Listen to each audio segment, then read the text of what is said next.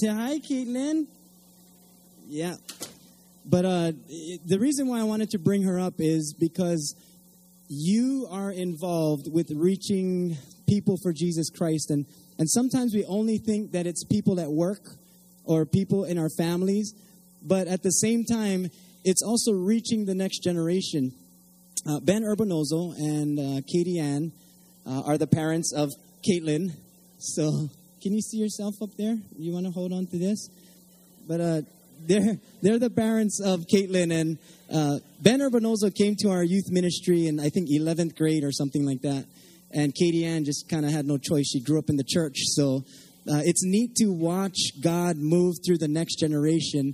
And now Caitlin gets to grow up in a, a family uh, that knows Jesus Christ and knows the hope of the world through Jesus Christ. So tonight we get to hear and have the privilege of, of uh, seeing God's miracle in this young man's life in Ben Urbanozo. He's going to come and bring the word of God. Would you welcome with me our youth director, Ben Urbanozo?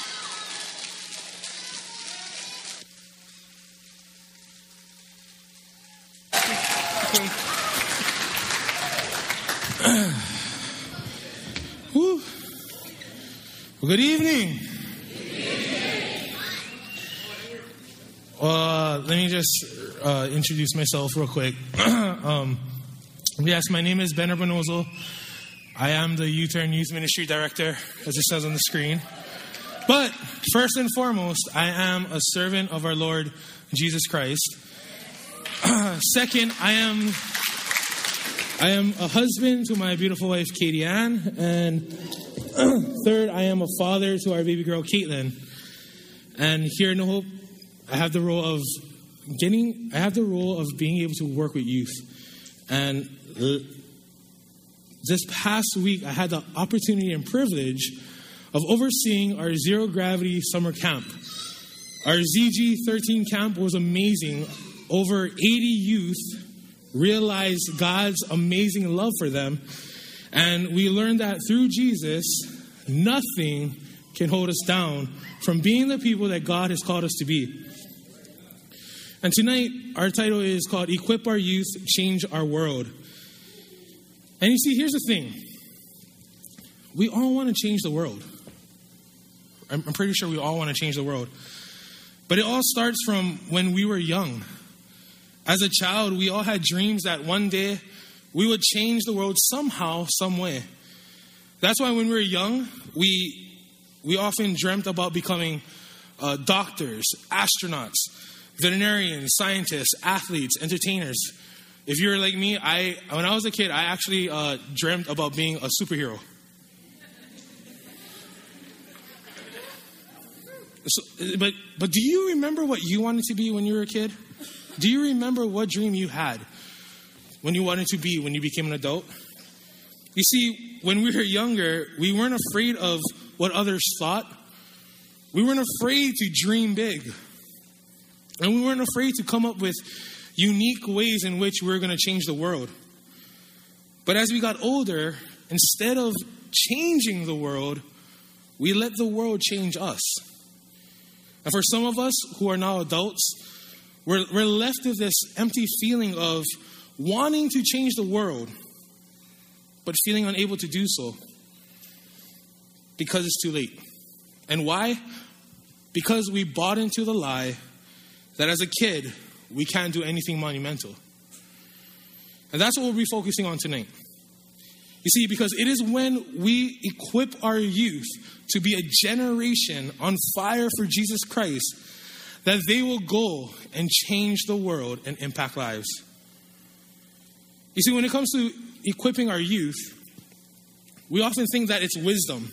You oh, know, we got to give them wisdom. We got to give them wisdom. They don't know anything. Some of us, we think, oh, it's spending time with them. Some of us, we think that, oh, if we motivate them, then, then that will do the job. But it's more than that. So much more than that.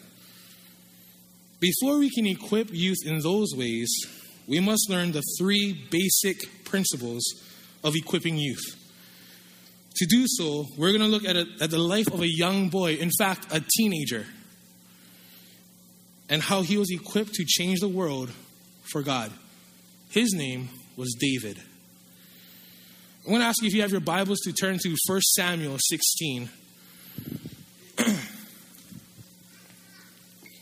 in 1 Samuel 16, we find the origin story of, of, of David, a young shepherd boy who at this point is about to be anointed by the prophet Samuel as the next king of Israel. And in 1 Samuel 16 7, we find the first principle of equipping our youth. In 1, in 1 Samuel 16 7, it says this But the Lord said to Samuel, Don't judge by his appearance or height, for I have rejected him. The Lord doesn't see things the way you see them. People judge by the outward appearance, but the Lord looks at the heart. You see, that's the first principle when it comes to equipping our youth. We got to look at their heart. For about 10 years, I've had the privilege of working and serving with youth. Even before I knew Jesus Christ, I had the opportunity to, to just impact young lives from 10 years ago, even back when I was a teenager myself. I had the opportunity to, to work with kids and youth. And I love to hang out with our youth. I mean, I love hanging out with these guys. Last week, I loved hanging out with it, but thank God we're home. hey, yeah, actually, I did. I do miss them. I actually do miss them this week. But you know, I love to hang out with them, and it was so funny because there are kids that this past week went to camp that normally just drive me crazy. Like, ah! And I was like, God, I'm going to be here for one week with them. Please, please do something miraculous. And you know what? He did. It was so amazing. I'm not even kidding you. There are kids that usually drive me crazy. And when I say drive me crazy, I mean I love them, but they drive me crazy. But there are kids that, that drive me crazy. And when we were at camp, oh, I just loved hanging out with them. I would just, oh, you good, you good, yeah, all right, yeah. And we just, I just loved it. I love to hang out with the youth. I love to spend time with them and getting to know their stories. And believe me or not, many of them have really, really interesting stories. See, all of our youth come from different backgrounds, some great and some not so great. But it's not their backgrounds, it's not their circumstances, it's not their situations that God sees. God sees their heart. And you know, for me, it took a while. It took a while to do that. It took a while for me to learn that. But here's what I learned that the second I see them for who they are in God, for when I see their heart and who they can become in Him, everything else fades away. Everything else. I can, it's more easy for me to love them you see, the Lord told Samuel the same thing to not look at the outward appearance, but to look at the heart. It reminds me of one of my favorite zero gravity stories. um, a couple years ago, we had we had our zero gravity camp, and in this camp, we had two kids. Uh, one young man who, for a long time, was very close to me. Like we would hang out every single weekend. I mean, I just loved hanging out with him. He was like my little brother, in fact. And I just remember spending time with him. But eventually, because he went into high school, you know, things change.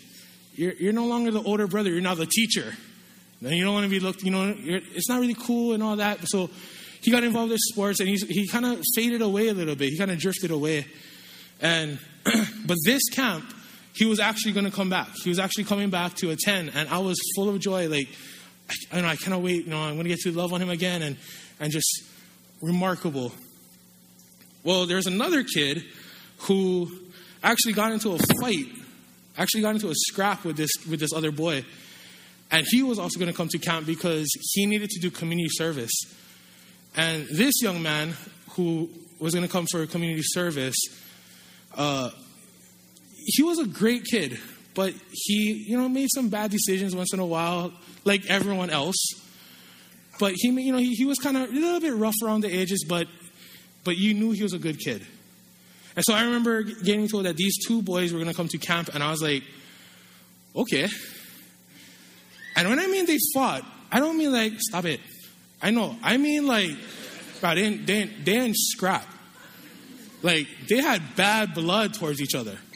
And so there I am going, Bun, who is, who is our life stage director, I was like, Bunny, uh, are we sure about these two guys? I mean, seriously, like, you know, we don't, do we, are they going to be okay? And she's like, no, it'll be fine. And so we were, we there, and so I remember talking to them, like, hey guys, you know, just remember that uh, you're not here for each other, you're here for camp. You're here for what God wants to do in your life. And so I remember the first day. now, guys, especially teenage guys, and, and even us adult guys, when you don't like someone, you know what you do?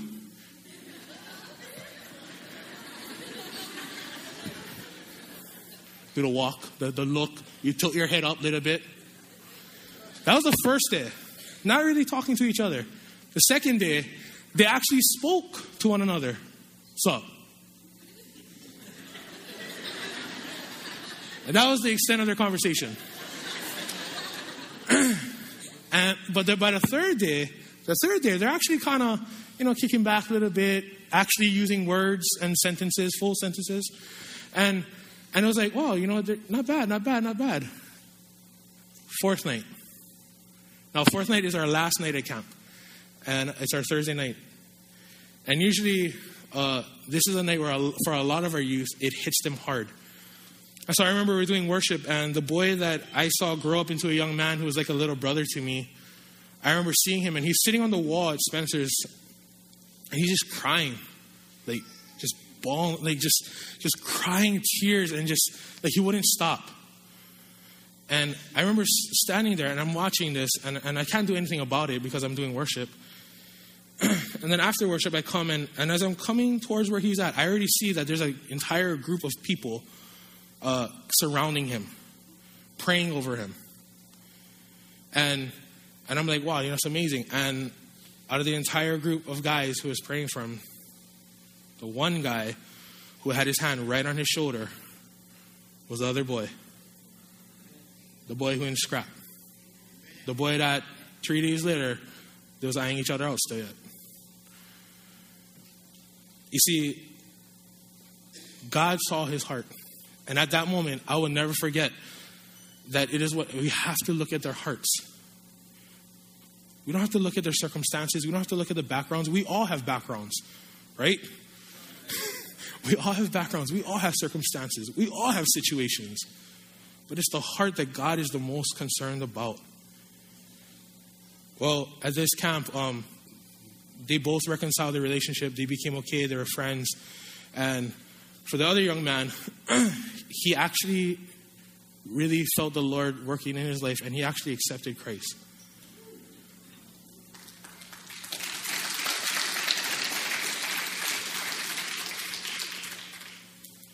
And a couple months later, he would be involved in a car accident and pass away.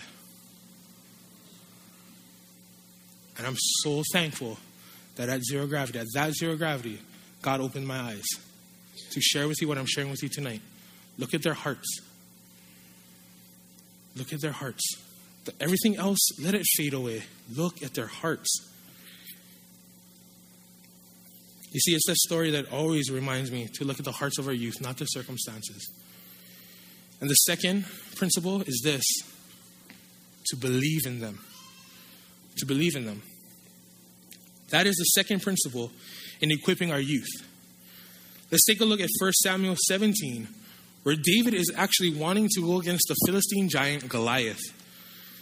and in 1 Samuel 17, 32 to 37, this is what it says.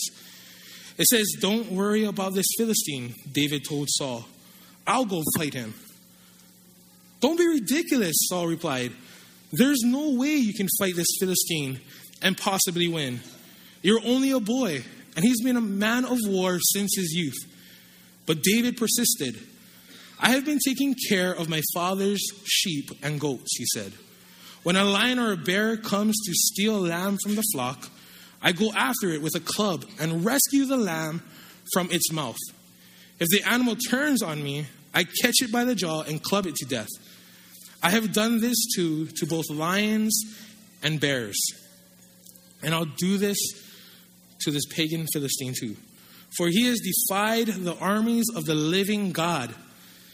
The Lord who rescued me from the claws of the lion and the bear will rescue me from this Philistine. You see, David was so confident that he could go against the giant and win. Why?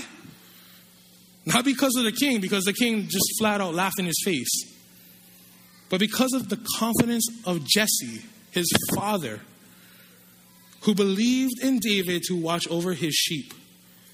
You see, our youth are facing a world where they're being put down for their age. We're facing a world where, where, where they're being told they're too young, they're immature, they don't know, and all that. But I am reminded of 1 Timothy 4:12, in which Paul writes to his young apprentice, "Don't let anyone think less of you because you are young." Be an example to all believers in what you say, in the way you live, in your love, your faith, and your purity. Here at New Hope, we, we don't just have our Wednesday nights and our Sunday mornings for our youth. We actually have Thursday nights for our high schoolers and Friday nights for our junior hires. and a couple months ago, on our junior high night, I, I was just sitting down and I was like, you know, we have some high schoolers who come and they help on Friday nights.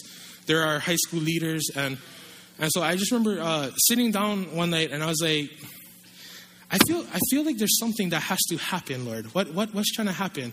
And so as I'm sitting there, I hear him say, Let them oversee a Friday night. And this is my face. What? You want me to? Wait, wait, wait, what? And he's like, No. And I heard him say it again give them the opportunity to lead. And so I'm like, okay, wait, wait a minute, Lord. First of all, first of all, Lord, these are high schoolers. And second of all, there's junior hires. I, I, mm, I, and so I remember doing that. And I just remember him saying, trust me, believe. And this is what he actually asked me. And I shared this with the high school leaders after that. He asked me, do you believe in them? And I was like, yeah, of course I do. He said, prove it. Prove it. Give them control of the night. Now, that doesn't mean they're going to drive vans, which some of them are like, what? But, uh, but he said, from, from the beginning of the night to the end of the night, give them responsibility. Let them watch the kids, hang out with the kids, let them uh, call the kids in, go over the announcements, cook the food with adult supervision, uh, serve the food, clean up, and do the message and worship all on their own. Adults, you will be there just for spiritual covering and to drive vans. That's all. And so I remember going to them and going, okay, guys, so I, I have a challenge for you. And they're like, okay, what is it? And I'm pretty sure they're thinking nothing like that. And as soon as I tell them, okay, guys, so here's the deal. In three weeks, you guys are going to oversee Friday night. And I'm expecting them to freak out. Like, I'm expecting them to go, what? Ben, you, you for real? You serious? You sure? Huh? Huh? Are you for real? Are you hearing the Lord? Instead, this is what I heard. Okay, we got it. See, if we let our youth believe that they can't do anything, they won't even try. But if we believe in our youth and let them make mistakes along the way and guide them through it, be there for them, that they will see they can do anything, that they can change the world. And as we look at their hearts and believe in them, we, can, we have to love them beyond words. That is the third and final principle in equipping youth. When youth are loved with more than just, I love you, they are empowered to accomplish anything. In 1 Samuel 17 45 to 47, it says, David replied to the Philistine, Goliath, You come to me with sword, spear, and javelin. But I come to you in the name of the Lord of heaven's armies, the God of the armies of Israel, whom you have defied. Today the Lord will conquer you, and I will kill you and cut off your head. And then I will give the dead bodies of your men to the birds and wild animals, and the whole world will know that there is a God in Israel. And everyone assembled here will know that the Lord rescues his people, but not with sword and spear. This is the Lord's battle, and he will give you to us. Can you imagine a 13 year old teenager boy, boy saying this to a giant? Brother, let me tell you something right now. Boom! Guaranteed. Knockout. Bing! I mean, where did he get this boldness? I mean, where did he get that courage? Simple. He knew that God loved him. He knew that God saw him for more than just a shepherd boy. He knew that God believed in him to be able to protect his father's sheep. And David knew that God undeniably loved him, not by words, but by actions. Our youth today live in a world in a world where the words I love you no longer have merit. They don't want words. They want action. And to change the world, God sent his son, Jesus Christ, to die on the cross. He didn't just speak about it, he did. He wrote about it, he spoke about it. He, if you read the scriptures, all before Jesus came, he wrote about it, but he followed through. And when it comes to equipping our youth, we must be willing to love them and show them Jesus through us. This last principle I learned this past week at Zero Gravity. I remember um, one of our campers uh, was going through something, and I remember just putting putting him on the side and and just asking him, "Bro, what's going on? For real, what's going on?" And this is what he told me. He told me he didn't feel loved. He told me that his own parents told him that they didn't love him. And when I heard him say that, this is what I really heard. I heard him say that every single person in my life that's supposed to love me, that has said they love me, lied. That every single person, from my parents, everyone else, all the way down, everyone who said they love me, they're lying. And all he was waiting for was someone to prove it. This young man, I had the privilege of just this past year of hanging out with him, and uh, we would take him out, go go swimming and all that. And I looked at him and I said this. I told him, "You know, I'm not lying when I tell you I love you. I will never ever stop loving you." You see, that's what our youth need. Our youth need to know that they're loved, not just by the words we speak, but by our actions. Many of our youth, they're waiting for the world to love them. We can do that. We can show them love. We can love on them in a way that the world will never love them. Why? Because we have Him. Because we have the true meaning of love.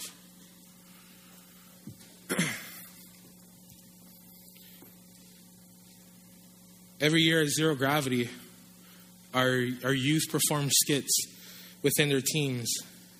And this year, what was evident was that our youth not only want to change the world, but that they want their lives to be changed as well. You see, if we equip our youth with the love of Jesus Christ, their lives will be transformed and they will go and change the world. This past zero gravity, there were several bumps along the trail, which showed me one thing that the next generation is something special and will indeed change the world. Because, ready or not, they're here already. See, as we learn from King David, God wants to equip his young people to go out and change the world. Before we close, I would like to speak I would also like to speak to the to the child in all of us. To not be afraid to dream big once again and to allow Christ to come alive in us as we change the world in His name. You see, you may have believed the lie that you can't do anything monumental, but it's time to know the truth.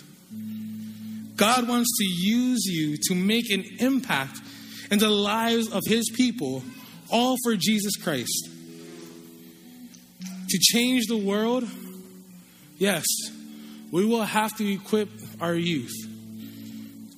But we will also need all generations coming together for Jesus Christ to share his word and his love.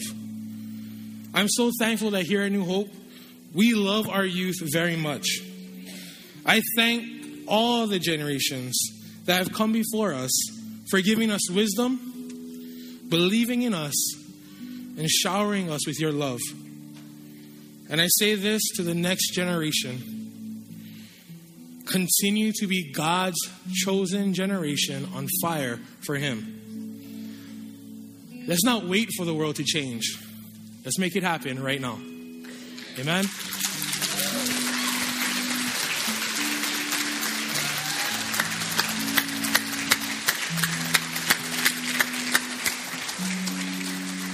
Don't know about you, but I, I, I am so inspired by what God is doing, not just in our youth ministry, but in our church, because you play a part in this.